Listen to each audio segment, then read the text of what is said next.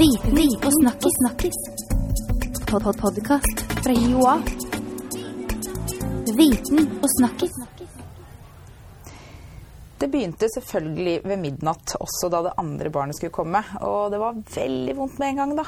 Og jeg fikk det veldig travelt med å komme på sykehuset, og i bilen på vei dit så var jeg utrolig glad for at jeg hadde krysset av for vanlig fødestue, med alt av utstyr og smertelindring tilgjengelig.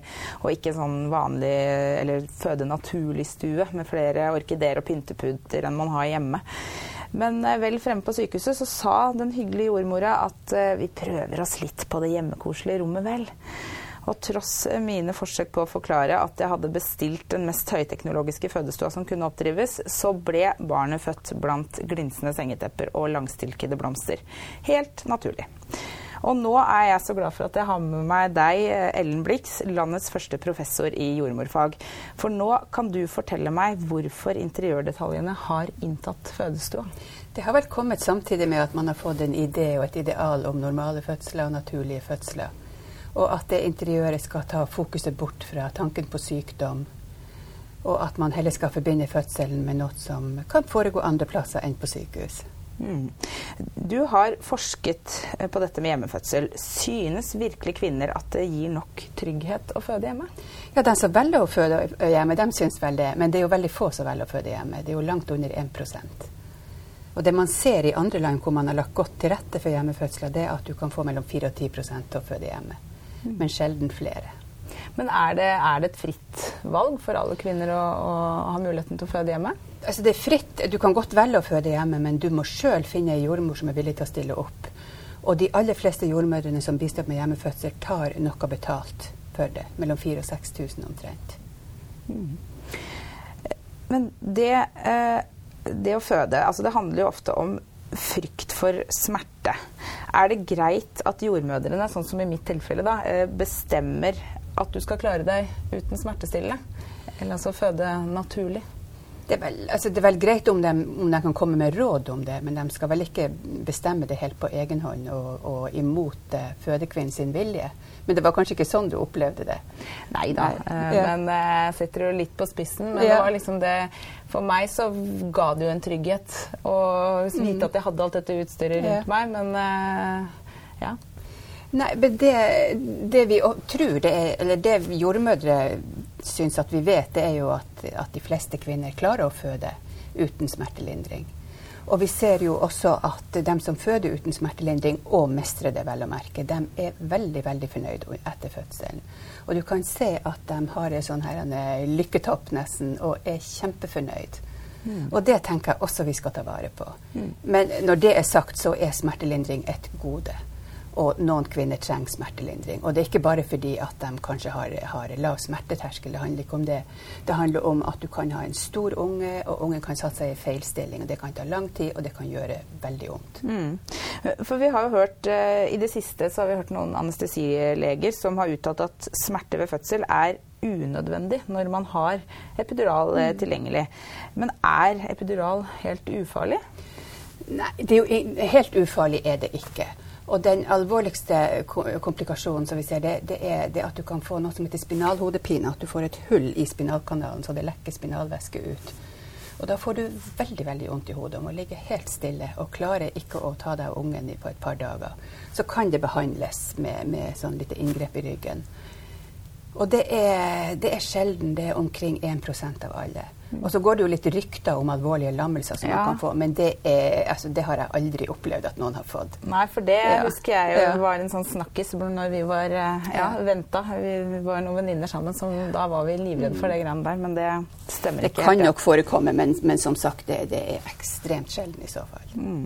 Og andre bivirkninger det er at du får ikke til å tisse ordentlig mens du har epiduralen, og du kan ha litt sånn problemer etterpå med å tisse, og at du må ha kateter og at du så, altså, tømmer urinblæra ved hjelp av et lite rør. Og mm. at man, det kan føre til litt flere infeksjoner.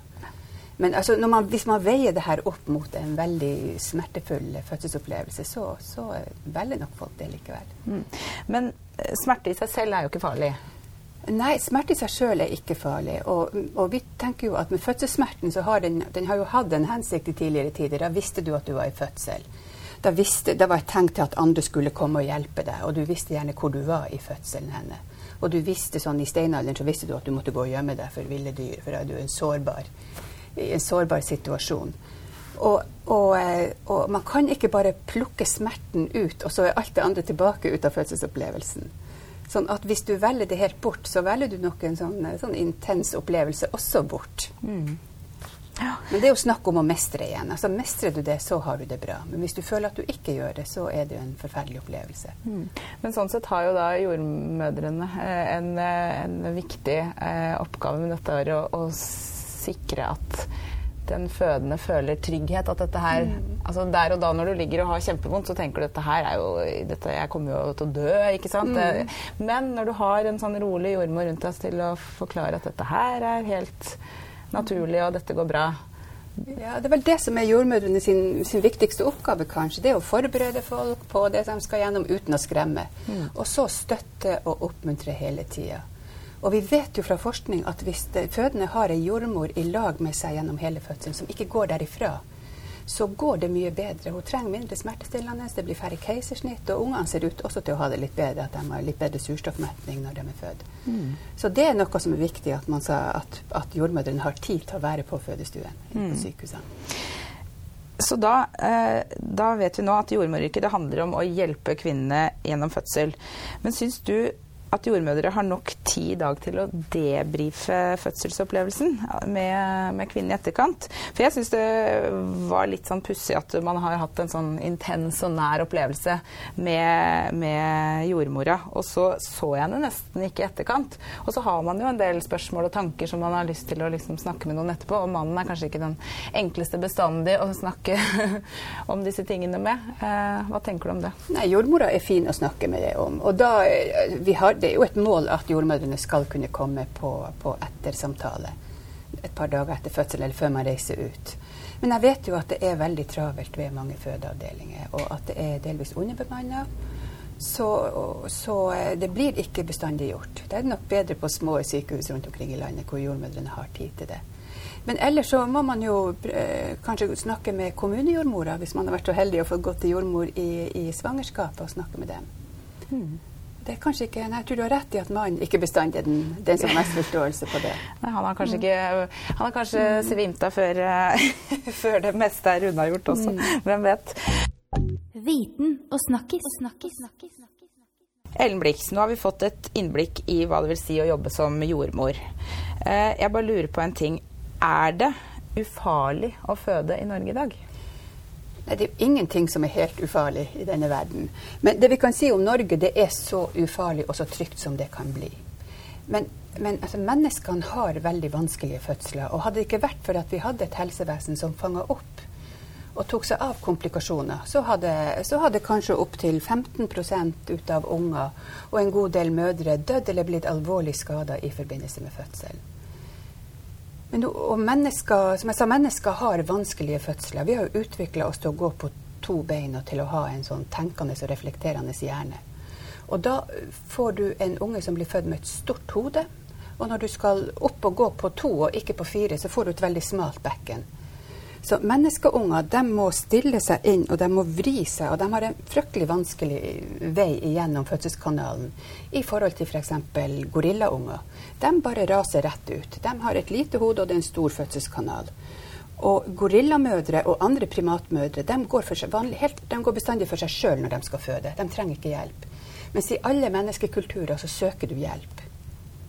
Og, sånn at menneskene trenger hjelp under fødselen. Mm. Og andre primater har veldig veldig lav dødelighet under selve fødselen, men høy dødelighet etterpå. De har ikke de store hjernene så de skjønner at kalde unger må holdes varme, og får du for lite mat, så er ikke det bra.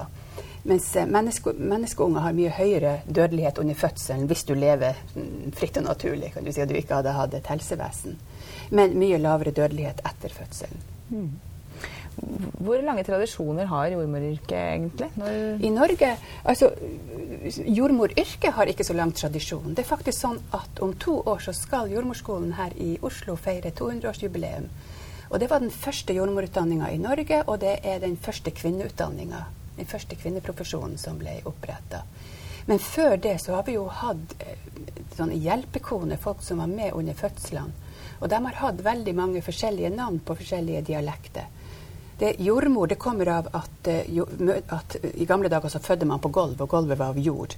Og så har du noe som heter lysmor, heter på noen dialekter. Og det betyr at det er den som hjelper til når barnet skal ut og se dagens lys. Og så kalles det for medkone på noen dialekt, eller det kaltes for det. Eller hjelpekone. Så man har alltid hatt tradisjon om at det kom noen og hjalp til under fødsel. Jeg er i hvert fall veldig glad for at jeg hadde to hyggelige og flinke jordmødre som hjalp meg. Jeg må spørre til slutt. Eh, syns dere jordmødre at det er like rørende med fødsel hver gang? For hver gang jeg ser en fødsel på TV eller hører om det, så begynner jo tårene å trille med en gang. Hvordan er det? Ikke når du står i det. Jo, det er rørende og det er fint, det er ikke det, men da holder du fatninga uansett hva som skjer. Da, da, eh, da man, holder man hodet kaldt gjennom hele fødselen. Men jeg må jo også innrømme at jeg, hvis jeg bare, man bare står ved siden av og, og ser på og bare skal være der hvis det er en jordmorstudent som tar imot, så er det veldig rørende når du ikke er direkte involvert. Takk for at du ble med i denne utgaven av Viten og snakkes, Ellen Blix. Har du lyst til å høre flere episoder av Viten og snakkes, så går du inn på blogg.hioa.no slash viten og snakkes.